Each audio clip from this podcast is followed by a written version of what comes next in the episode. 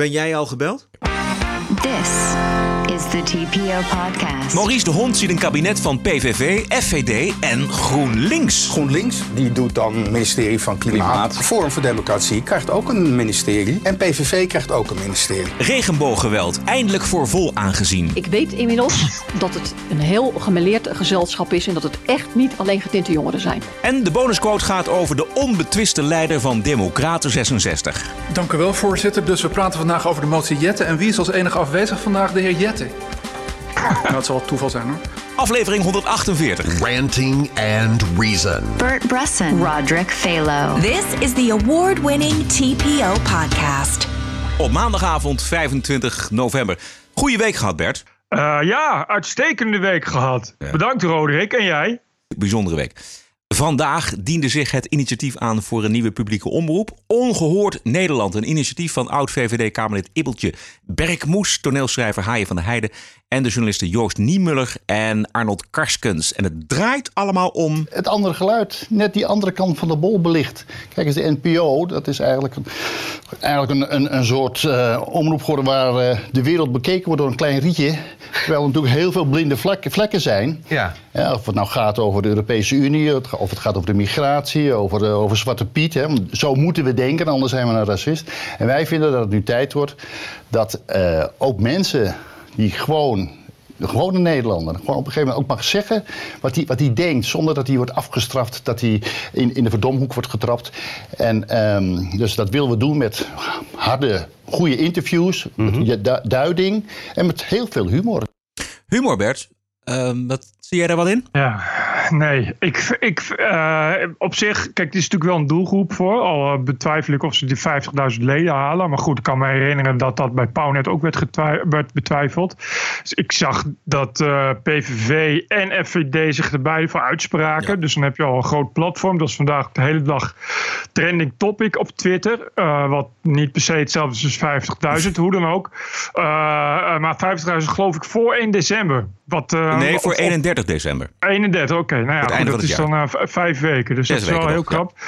Maar hoe dan ook, er is een doelgroep voor. Dat, dat ligt voor de hand. Maar ja, de NPO, dit zijn allemaal mensen die altijd allemaal vooral heel erg tegen de NPO zijn. Op goede redenen. Namelijk dat de NPO eh, eh, eh, gesubsidieerde programma's maakt. Dat die uit de subsidierij vreten. Dat het wordt betaald door belastingbetalers. En wat gaan ze doen? Ze gaan naar de NPO om een, zelf een hand op te houden. Om uit de staatsruif te vreten. Dat hebben we nou al eens een keer gezien bij Pownet. Die gingen de boel opschudden. En, en het Mediapark wakker maken. En wat is van, eh, van terecht gekomen? Vooral dat Dominique Weesie daar eh, een leuke vergadertijger is geworden. En een heel leuk jaarlijks salaris heeft eh, op belastingbetalerskosten.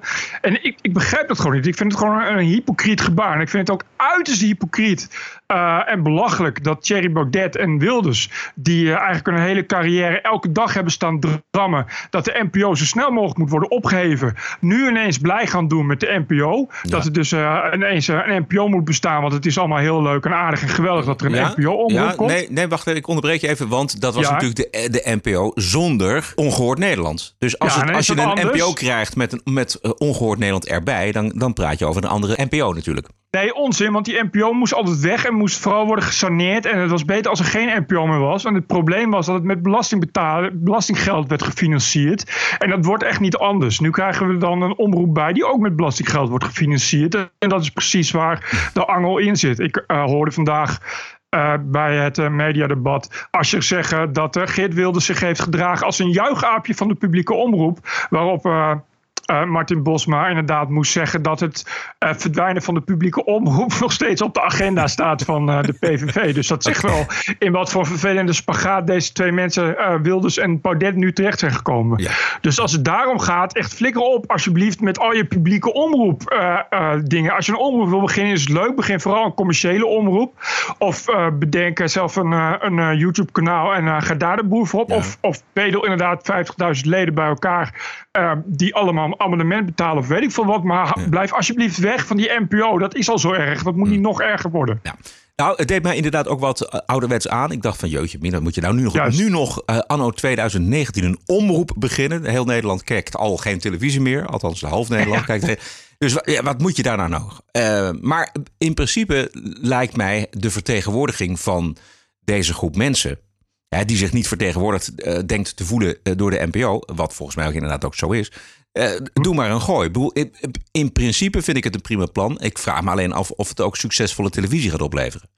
Nou, Want- dat, dat, eh, is natuurlijk, dat, is natuurlijk dat, dat moet je dan nog maar zien. Bedoel, Want eh, precies, wat, wat je heel vaak ziet is dat als je een hoop rechtse mensen bij elkaar zet, dat het dan heel snel ruzie wordt. Het probleem is dat natuurlijk dat het ook nog allemaal ego's zijn. Ja. Dat is altijd zo bij mensen eh, die bij een publieke omroep werken, overigens. Eh, maar ja, er kan er maar één de voorzitter zijn. En dan krijg je daarna nog een technisch voorzitter. Dus je kan het nog een beetje verdelen. Maar ja, die willen natuurlijk allemaal grote salaris. Dat hoort nou eenmaal bij het voorzitterschap van de publieke omroep. Dus ja, dat daar eh, ruzie over gaat ontstaan. Als je nu al meerdere kapiteins op één schip hebt.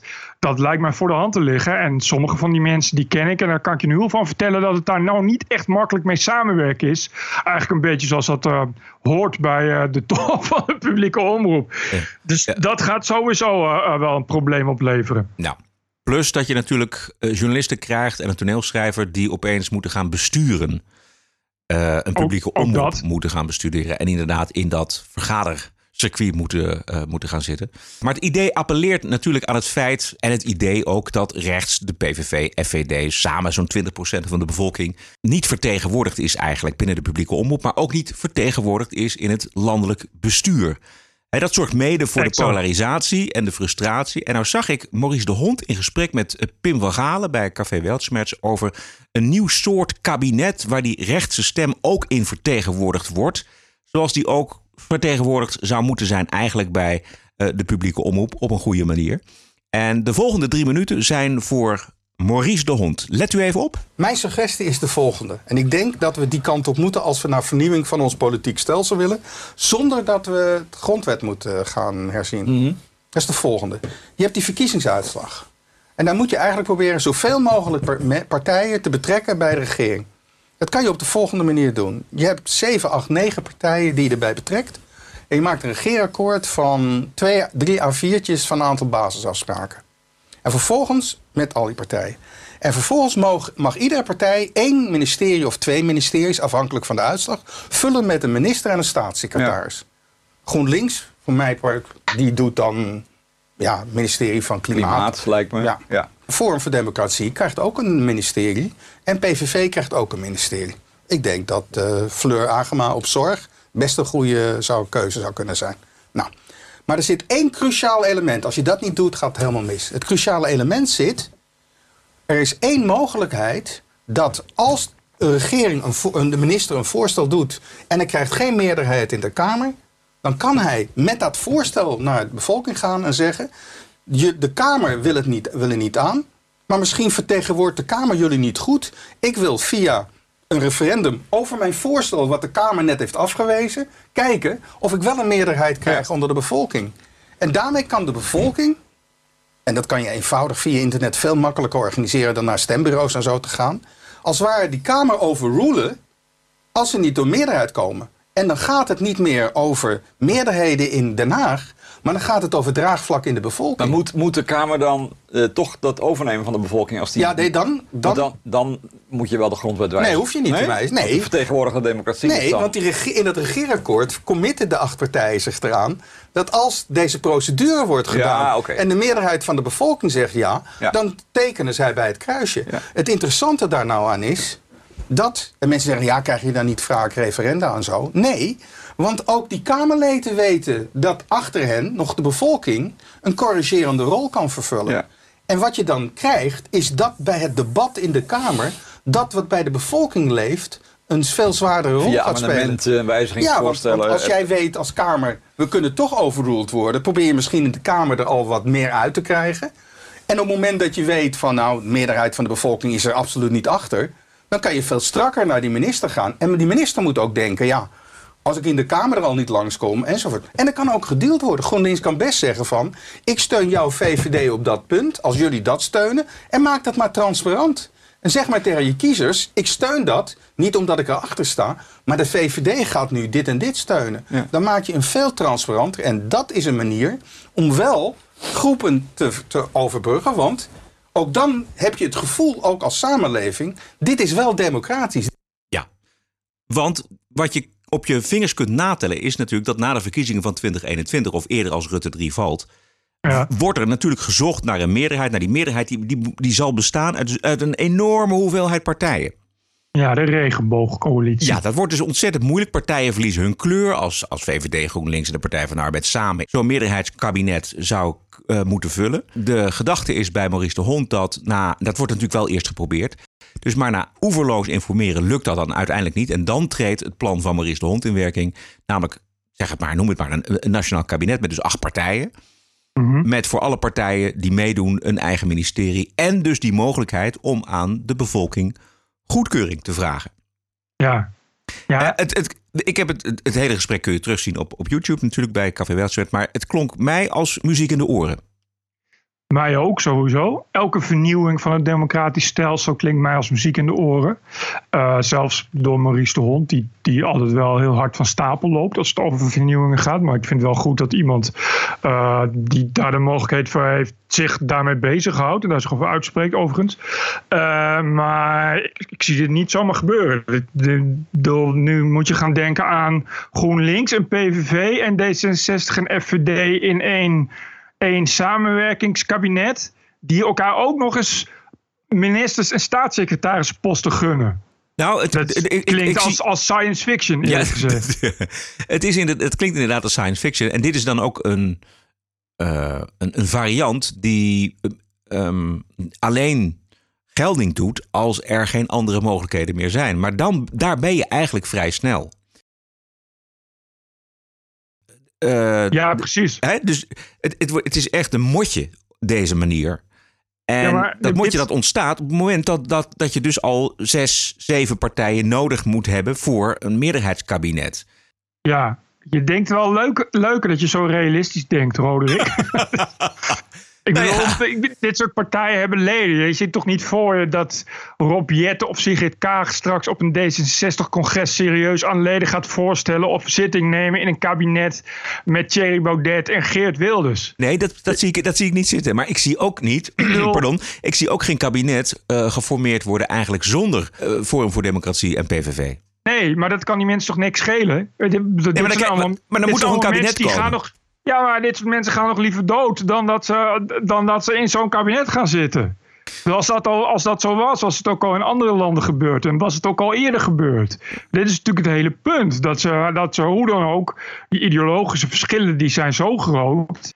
Ik, bedoel, de aanhang van partijen als GroenLinks in D66 bestaat uit mensen die elke nacht zwetend wakker worden. Want Wilders.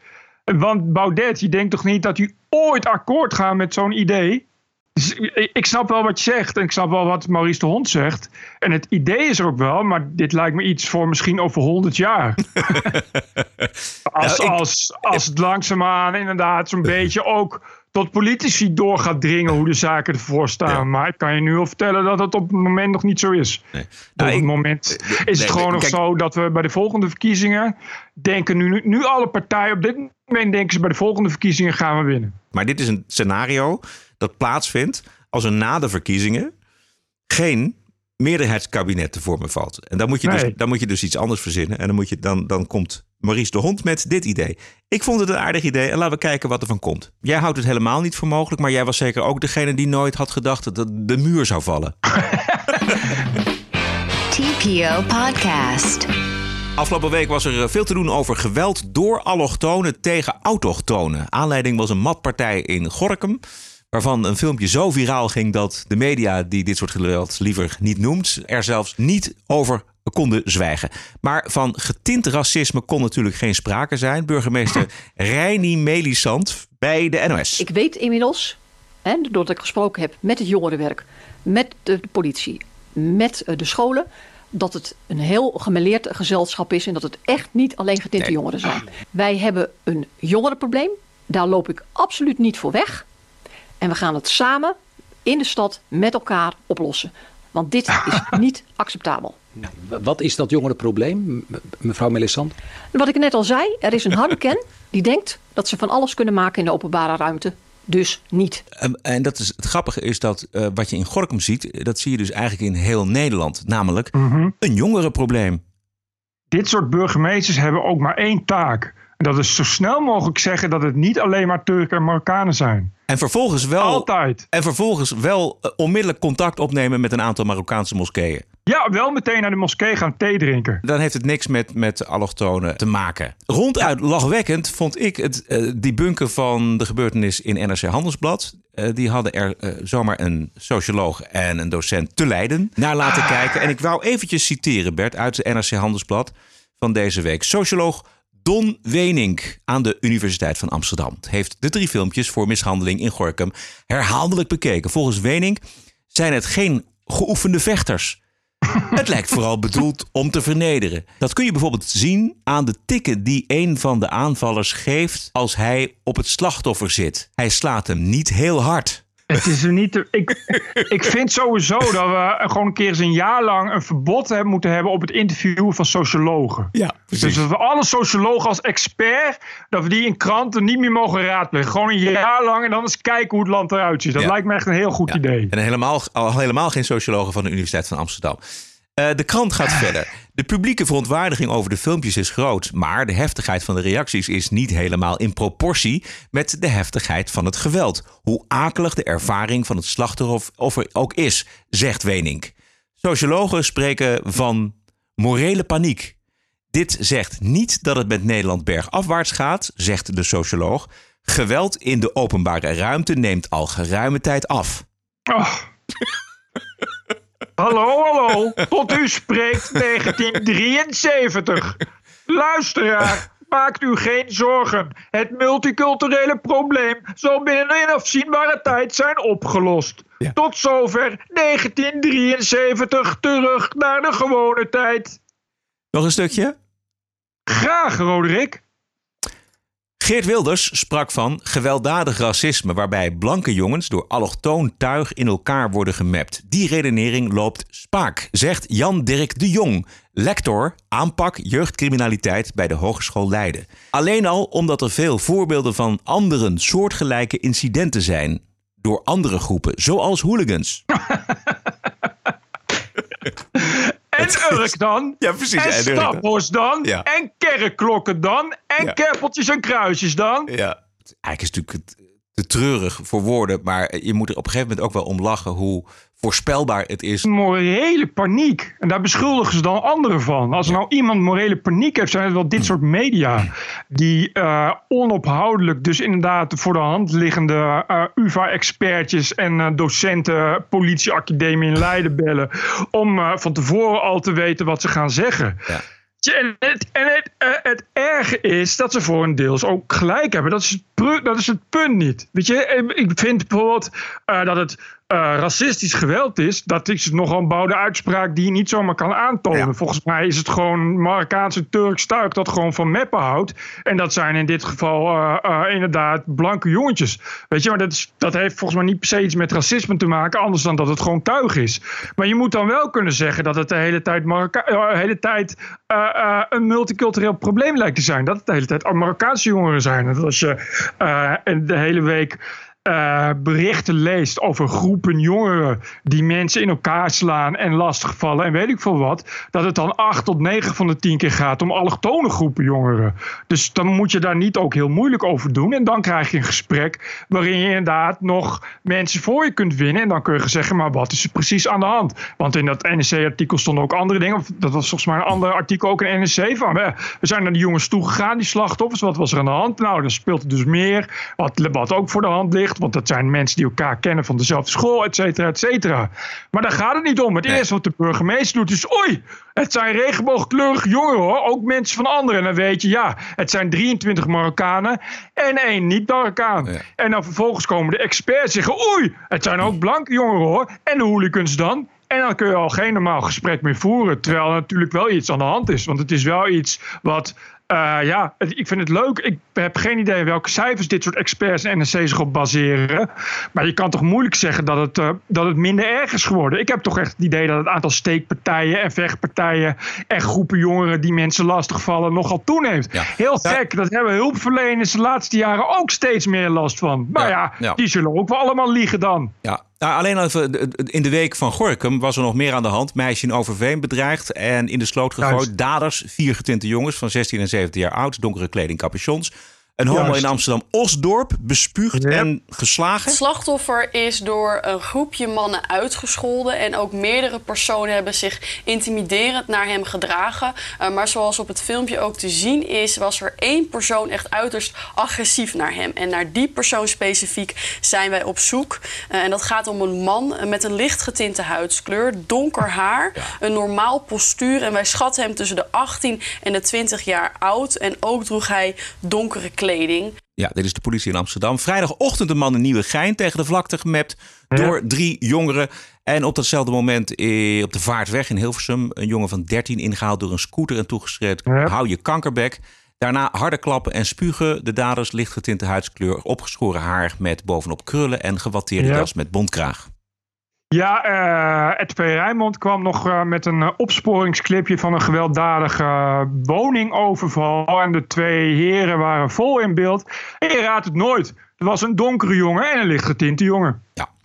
En zolang we dat een jongerenprobleem kunnen noemen, hoeven we niet op zoek naar de echte oorzaken en hoeven het probleem ook niet op te lossen. Sterker dan kunnen we, moeten we gewoon zo min mogelijk aandacht aan besteden in de media. En dan, gaat, dan waait alles vanzelf over, Bert. Ja, wa- want dat is, vind ik, het probleem. Dat hoorde je net die burgemeester zeggen. Van ja, die jongeren denken dat ze alles kunnen maken.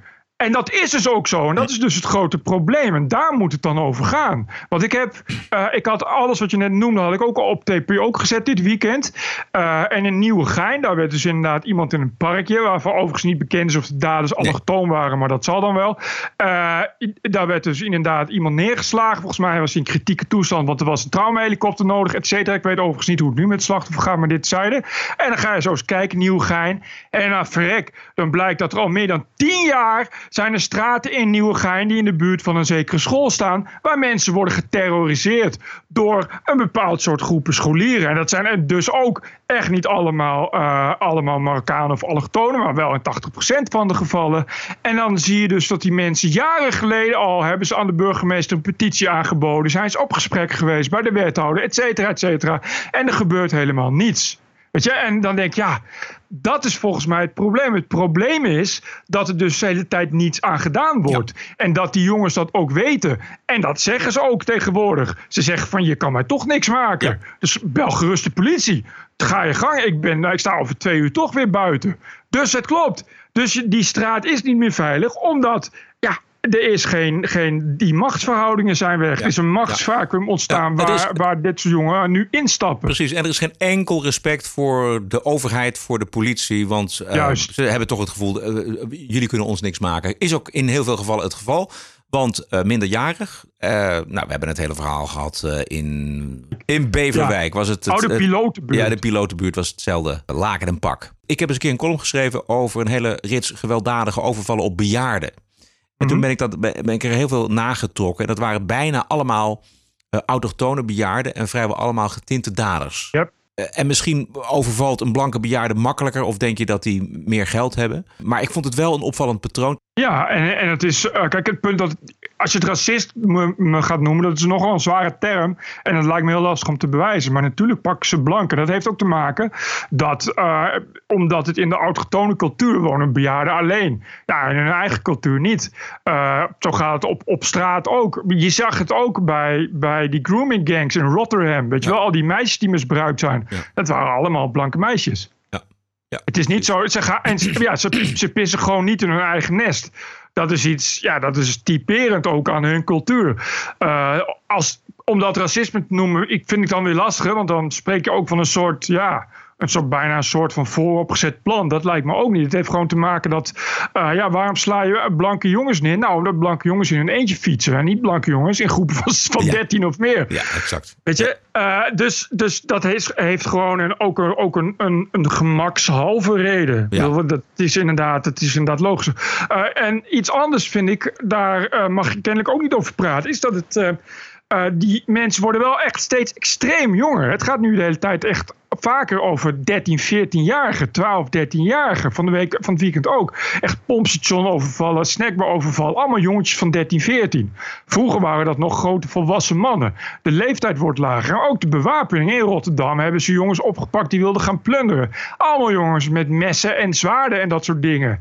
Kijken we naar Engeland waar de knife crime uh, toch al tijden uh, hoog staat. Dus afgelopen weekend in, waar was dat? ik ben even de naam kwijt, hoe dan ook. In zo'n gore Engelse industriestad. Honderd jongeren met messen en machettes die een, die een bioscoop overvielen. Oh ja, ja, ja. weet je en dan worden de mensen opgepakt van 13, 14 jaar. Een meisje van 13 jaar als hoofdverdachte. En die, die gast van de politie, die zei ook: van, ja, we moeten niet doen uh, alsof dit uit niets komt vallen. We kunnen moeilijk zeggen dat het uniek is dat er grof geweld wordt gebruikt door hele jonge mensen. Ja. En daar is dus wel iets aan de hand. Volgens mij is die morele paniek helemaal niet overbodig. We hebben het over een trend waarin zeer jonge mensen zeer gewelddadig worden. En steeds gewelddadiger en het steeds vaker voorkomt. Bert, de alarmbellen hadden al lang af moeten gaan. En als ze vandaag niet afgaan, dan moeten ze morgen af. Want dit is natuurlijk een heel groot probleem. Niet alleen nu, maar straks ook. Want deze jongeren van 13, 14 jaar, die groeien natuurlijk op. En die worden, dat worden professionele criminelen. En dan zitten we met weer een nieuwe generatie mokromafia. Juist.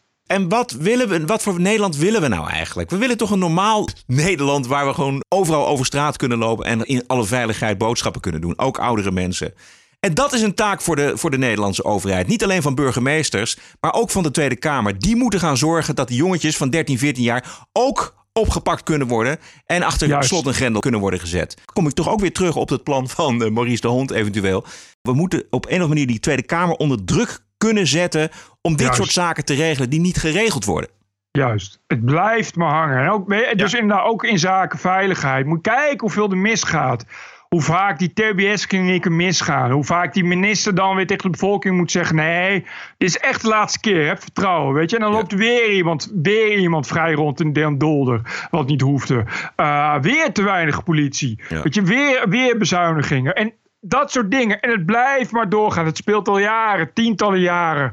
Uh, uh, Fortuyn, Wilders, Baudet. Het heeft allemaal gezin. Het blijft maar gewoon doorgaan. Het blijft maar inderdaad, het blijft maar inderdaad uh, een stuk gekookt, een stuk geprakt worden door dit soort, dit soort media, dit soort wegkijk-experts en inderdaad politici die dat ook vinden. Weet je, ik, terwijl ik denk, je moet dan inderdaad toch de mogelijkheid hebben dat, dat bevolking, zoals bijvoorbeeld in een wijk, dan de mogelijkheid heeft om, om een eigen gemeentebestuur onder druk te zetten. Om dan te kunnen zeggen van we willen gewoon, we willen gewoon normaal politie nu. We willen hier gewoon een politiepost. We willen uh, dat als de jongens drie keer worden opgepakt voor het gooien van zwaar vuurwerk en het in de fik zetten van auto's, dat ze dan gedwongen moeten worden, uh, worden moeten verhuizen. En dat ze uh, worden in een inrichting worden geplaatst. Ja. En weet ik van wat. Heropvoedingskamp. Weet je, dat er mogelijkheden komen. Dat je daar als burger ook een keer uh, iets terug kunt zeggen. En dat je, dat je elke keer hoort weer en weer en weer. En het gaat maar door. Ja, maar moet, daar, daarvoor, daarvoor moet dus de, de wetgeving worden veranderd in Nederland. En dat is de taak van de Tweede Kamer en van het kabinet. Exact. En dat moet nou eindelijk eens een keer gebeuren. Aan het werk daar in Den Haag. TPO Podcast echte racisme gaat natuurlijk maar één kant op, dat weten we, van uh, wit richting zwart. GroenLinks Tweede Kamerlid Niels van den Bergen tegen Machiel de Graaf van de PVV. Ik heb, ik heb een vraag aan de PVV. Uh, kleurrijke kinderen die in Den Haag niet naar school durven omdat ze worden uitgescholden voor Zwarte Piet. Hitlergroeten bij de intocht van Sinterklaas. Ja. We staan hier bij de begroting van Justitie en Veiligheid. Is de heer De Graaf met GroenLinks eens dat we dat ook aan moeten pakken? De heer De Graaf? Ja, voorzitter, elke Hitlergroet is walgelijk. Laten we dat vooropstellen. Um, even kijken, want er waren een aantal onderdelen. Hè. Er waren kinderen die niet naar school durfden omdat ze uitgescholden worden voor Zwarte Piet. Um, ja, ik, ik, begrijp niet waar de leegschedeligheid van mensen vandaan komt om mensen met een kleurtje voor Zwarte Piet uit te schelden. Dat zijn niet mijn mensen. En ja, dat is ook van de week op die tribune gebeurd bij FC Den Bosch. En die mensen, ik zei net leegschedeligheid, ja, dat zijn leegschedels die combineren Zwarte Piet met een Hitlergroet. Het slaat allemaal nergens op. Het heeft, ja, ik, ik, heb er letterlijk geen woorden voor. Daarom vond ik het gebaar gisteren ook van Jorginho Wijnaldum met Frenkie de Jong vond ik erg mooi. En laten we daar met de politiek vooral met onze fikken van afblijven. Niet zoals vanmorgen in het AD meteen de activistische tour van wat zou Wijnaldum van Zwarte Piet vinden. Laat dat voetbal zijn en laat Zwarte Piet iets anders zijn. Als kinderen van Zwarte Piet worden uitgescholden, dan moet daar tegen worden opgetreden. Heel hard, heel duidelijk. Zwarte Piet heeft niets met racisme te maken en moet er zeker niet mee gekoppeld worden. En de leegschedels die dat doen, die zijn wat mij betreft geen haar beter dan iedereen die om inclusiviteit en diversiteit schreeuwt omdat ze een binaire kleurtjesobsessie hebben en alleen nog maar zwart-wit tv kijken. GroenLinks is daar een onderdeel van. Stop met die oproep tot alles maar divers willen maken. Laat mensen beoordeeld worden op hun kunnen, op hun prestaties, op hun inzet. En dan maakt kleur helemaal niets uit. Ja, daar heeft hij natuurlijk 100% gelijk in. Deze Magiel de Graaf van de PVV. Nou, de GroenLinks kennende zal dat eh, wel nu wel gaan veranderen. Ja. Die zijn, heel, die zijn echt, echt staan bekend omdat bij een beetje redelijke kritiek dat ze ook meteen inbinden. Ja, precies. Die gaan dat, een heel zelfonderzoek komt er. Ja, ja, ja veel, veel zelfreflectie. Zelf, veel- ja, precies. Ja, ja. We, gaan, eh, we gaan op naar een echte inclusieve samenleving. We gaan waarderen en doneren. En dat doen we in de TPO Podcast. Er is best wel weer aardig gedoneerd eh, deze week, volgens mij. Ik heb, ik heb echt vier of vijf mails of zo. Ah, leuk. Nou, ik heb er ook een paar, maar misschien hebben we dezelfde. Ja, jij- precies. Wil jij beginnen? Dat kan. Eh, Heel even, even mijn microfoon eh, even anders verzitten, anders kan ik het weer niet lezen. Ik ben inmiddels ook aan een bril toe. Ah, oké. Eh, even zo. Beste Bert en Roderick, ook ik heb gedoneerd voor de podcast. Jullie ideeën over pakken melk sloegen erg bij me aan. Ik weet even niet waarover dit gaat, maar dit, dat, weet jij wa- wat pakken melk... eh, Nou, misschien is dat een idee van iemand anders, maar ik, eh, hebben wij... ik, oh, ik- nee, niet ik ook, hoe dan ook. Eh, ik ben patron voor Kirak en ik heb laatst ook 20 euro gedoneerd aan Café Weltschmerz. Ik geloof op een ideologisch level erg in het systeem voor betalen voor content. Hoewel ik de columns van Peter Buwalde op Volkskrant.nl altijd gratis lees in die cognito-modus van mijn browser. Het is heerlijk om een echt geluid tegen polarisatie te horen. Ik zie Bert Brussel ook meer als kunstenaar in richting Isha Meijer in plaats van puur journalist. Roderick is een klassieke journalist en dat maakt het zo goed, die balans tussen jullie tweeën.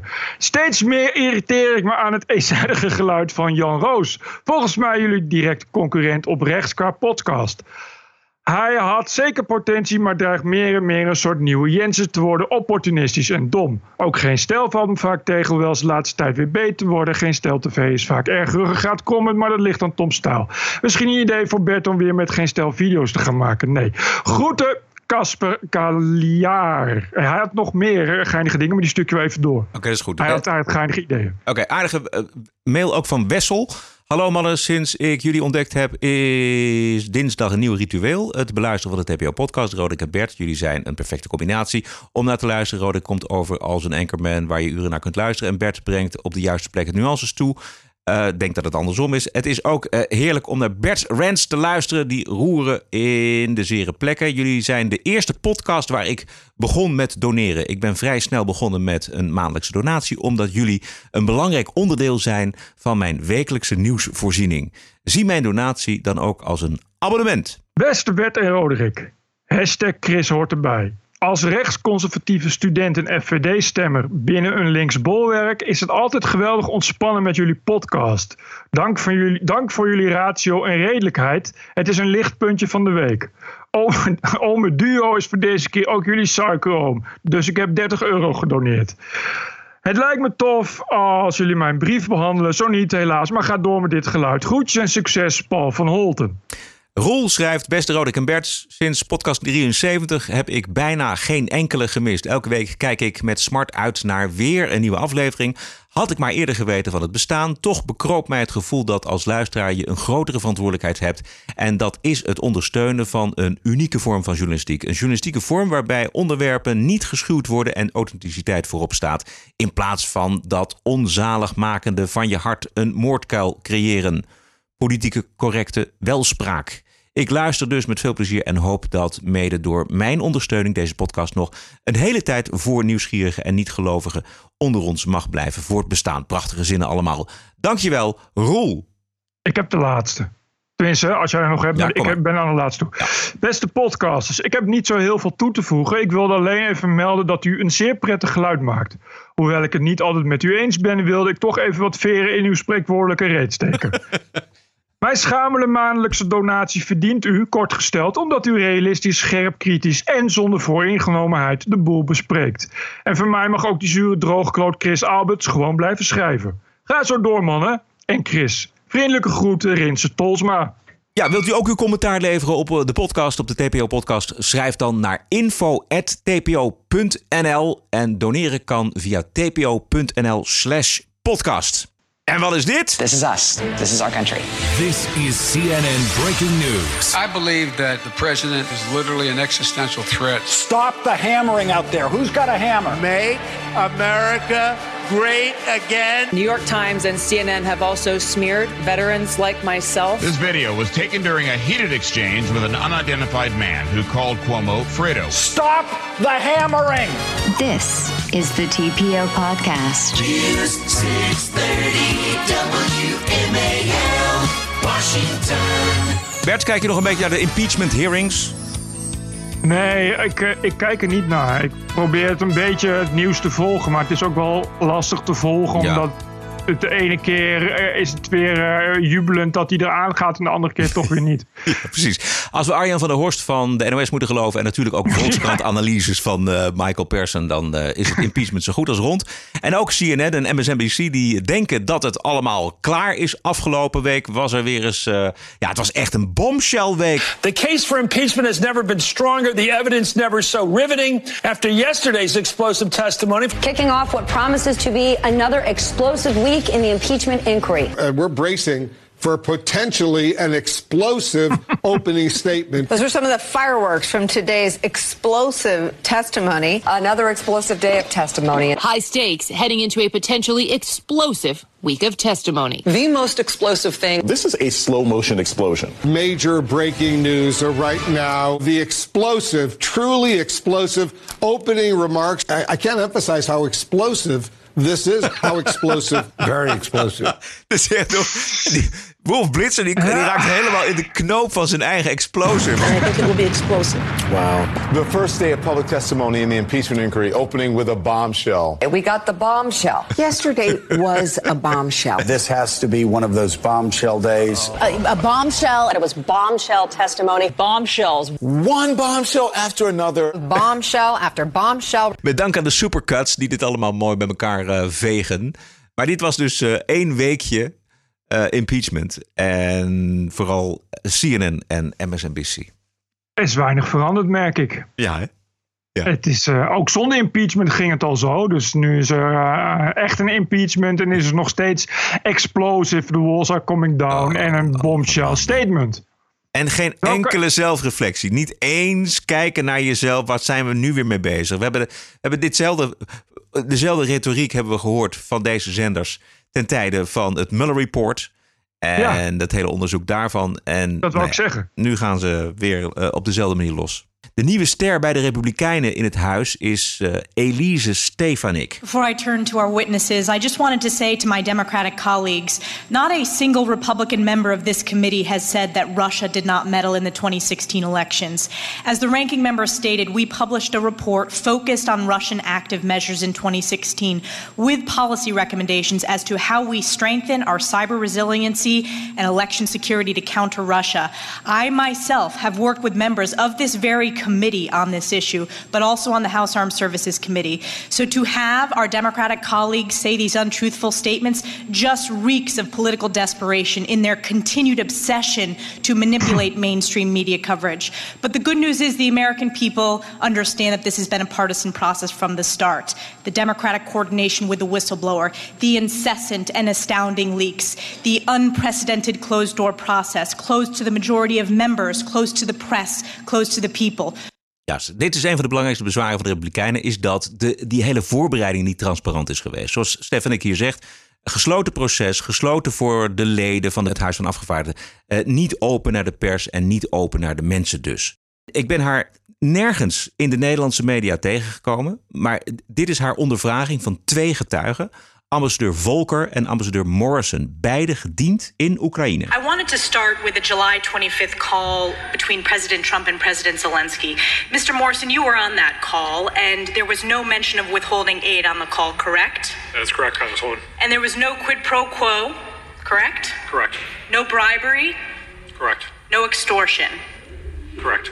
And Ambassador Volter, Volker, I presume you got a readout of the call, is that correct? A very terse readout, but yes.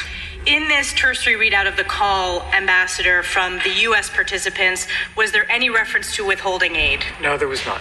Any reference to bribery? No, there was not. Any reference to quid pro quo? No, there was not. Any reference to extortion? No, there was not. And I presume you also got feedback from your Ukrainian counterparts as to how the call went. Did they mention the withholding of aid? No, they did not. Did they mention any quid pro quo? No, they did not. And did they mention any bribery? No, they did not. And in fact, the day after the call, you met with President Zelensky. This would be on July 26th. That's correct. And in that meeting, he made no mention of quid pro quo. No. He made no mention of withholding the aid. No. He made no mention of bribery. No. So the fact is that Ukrainians were not even aware of this hold on aid. Is that correct? That's correct. No bribery, no quid pro quo. Dus geen voor wat hoort wat. Wat een bombshell. Ja, jongen. Maar het is zo'n gepolitiseerd proces dat ik me verbaas dat er uh, correspondenten zijn, Nederlandse correspondenten uh, van de NOS, van de Volkskrant, die zonder blikken of blozen de kant kiezen van de, de Democraten en het daarbij laten. Ah, dat is... Waarom staan die journalisten daar niet boven? Het is het, tot op het bot gepolitiseerd en er is maar één doel, namelijk uh, Trump uit het Witte Huis. Waarom niet? Omdat ze van zichzelf al vooringenomen zijn. Ja. Ja, Daarom werken ze bij, bij de NOS. Ja. en, en ja, die Michael Persson en dat soort mensen, die zijn gewoon niet zo goed. Dat is een hele slechte, hele slechte, beperkte verslaggeving van mensen die eigenlijk helemaal niets weten ook van Amerika. Dus het is gewoon slecht. Ze weten niks van het Republikeinse gedeelte. Ze weten niks van de, de, de flyover state. Ze weten niks van de aanhang van, van Trump. Ik vind het vervelend om dat over collega's te zeggen, maar ik kan het niet anders constateren dan dat het zo is. Nou, er is één lichtpuntje in het Nederlandse medialandschap. Erik Mouthaan. Vertel. nee, dat was de grap. Ik kan me nog, weet je, ik kan me nog herinneren hoe, hoe de NPO eigenlijk massaal afreisde om, om lyrisch verslag te doen van Obama. Ja.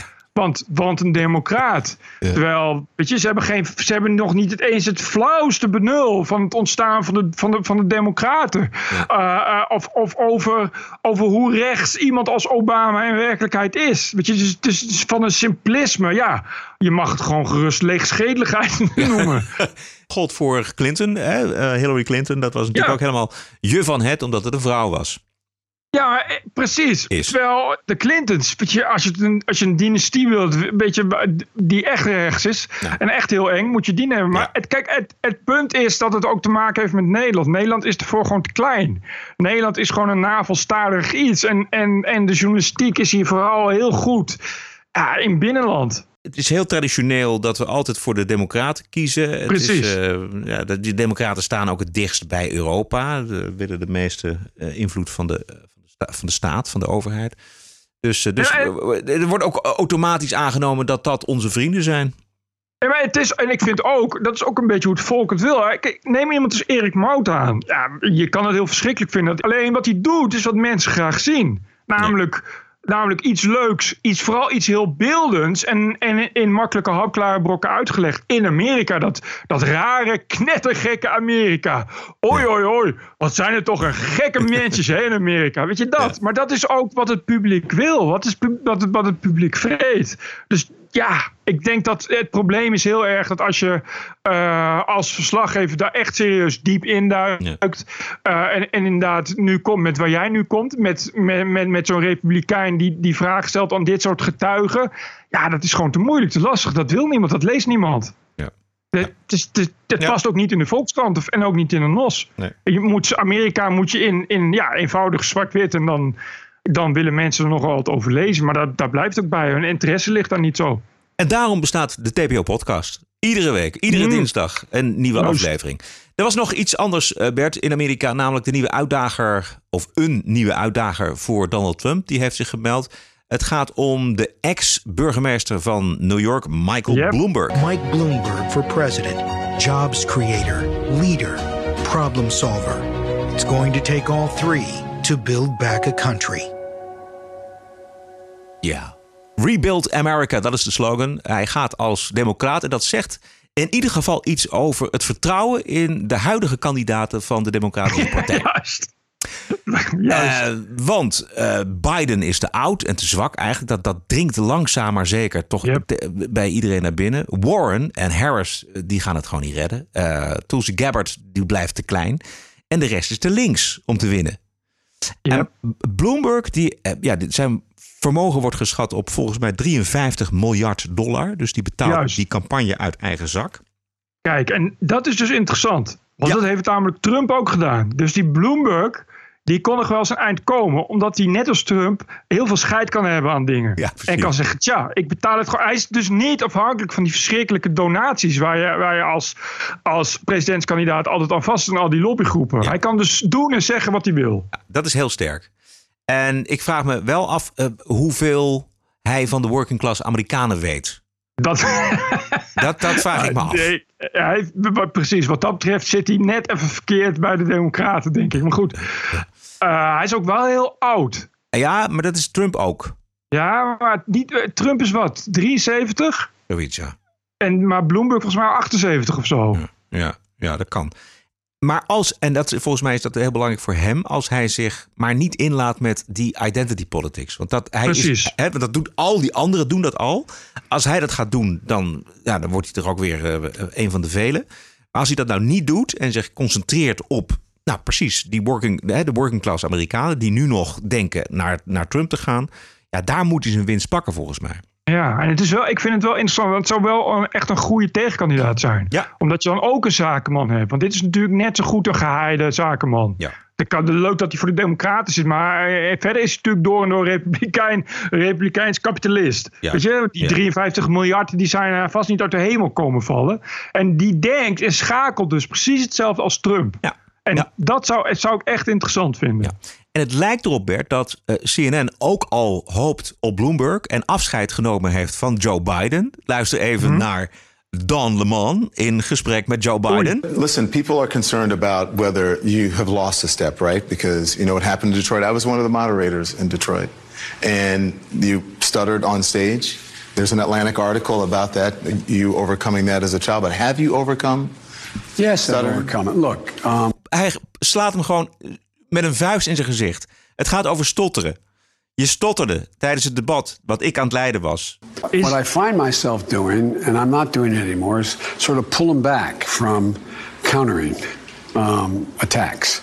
Uh, and uh, um, I, I just think that. Uh, um, I, I just think that it's important that uh, Ze laten Biden vallen en de- precies op het moment ja, dat die Michael Bloomberg in de race stapt. Juist ja. En Joe Biden krijgt dus dit soort vragen. Ja, en die wordt vo- volledig overvallen daardoor. En Don Lemon gaat door. Donors are concerned about that, whether you've lost a step, but they're concerned about your cognitive abilities. The Atlantic article made a good case for some of the reasons that you, you know, may not be as may come up say the wrong words sometimes, or not are, are unable to complete your thoughts sometimes, but you don't believe that that is an issue. Hoe zou ik het dus keurig uitdrukken? Ja, eigenlijk dat je een totale loser bent. Ja. Ja, ik vind... Maar, maar, het is, eh, ja, maar Bert, hoe, hoe kwalificeer je deze manier van ondervragen? sorry, maar we gooien je uit de auto. Juist. Tot ziens. Ja, tot ziens. dit is, Bedankt voor beste diensten. ja, dit is een mes, niet in zijn rug, maar gewoon in zijn Juist. borstkast. Oh ja, tussen zijn ogen. Tussen zijn ogen, ja. Smerig toch? Hè? Vals kan die ook zijn. Eh, dan nog de bonusquote. TPO Podcast. En de bonusquote is van de man die op één is beland in de grote Kamerleden-ranking van onze vrienden van Geen Stijl. Dank u wel, voorzitter. Dus we praten vandaag over de motie Jette. En wie is als enige afwezig vandaag? De heer Jette.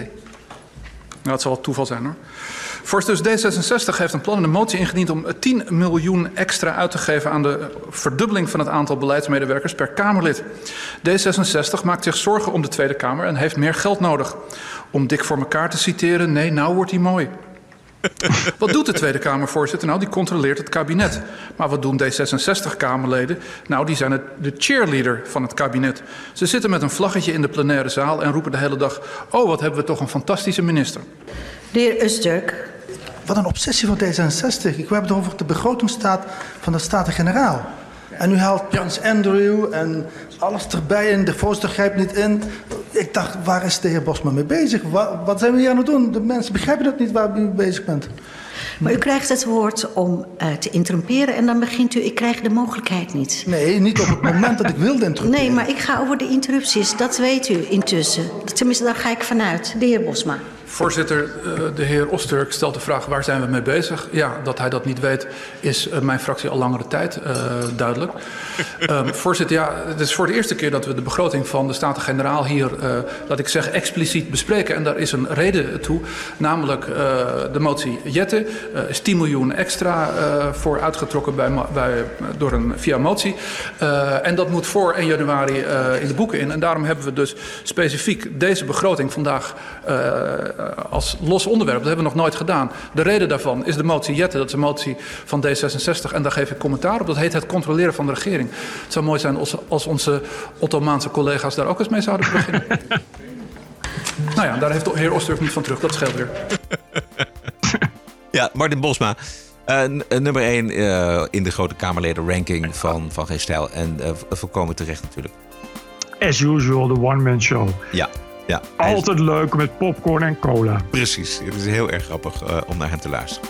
Even los van, uh, van zijn politiek, maar dit is gewoon als Kamerlid is hij gewoon een van de meest uh. Ja, juist.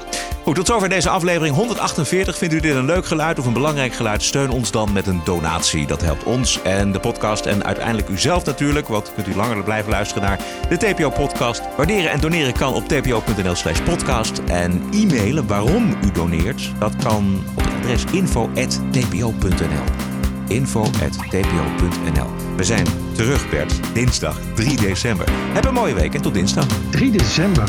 Oh, dat is bijna Sinterklaasavond. TPO Podcast. Bert Brussen, Roderick Balo. Ranting and Reason. Wanneer heb jij voor het laatst je gezet? Het zal uh, zijn toen ik een jaar of vier was. Bertje, als gelovige in Sinterklaas, dat had ik graag willen meemaken. Podcasting is the TPO podcast in the Netherlands. Bert and Roderick. What a show. I'm telling you.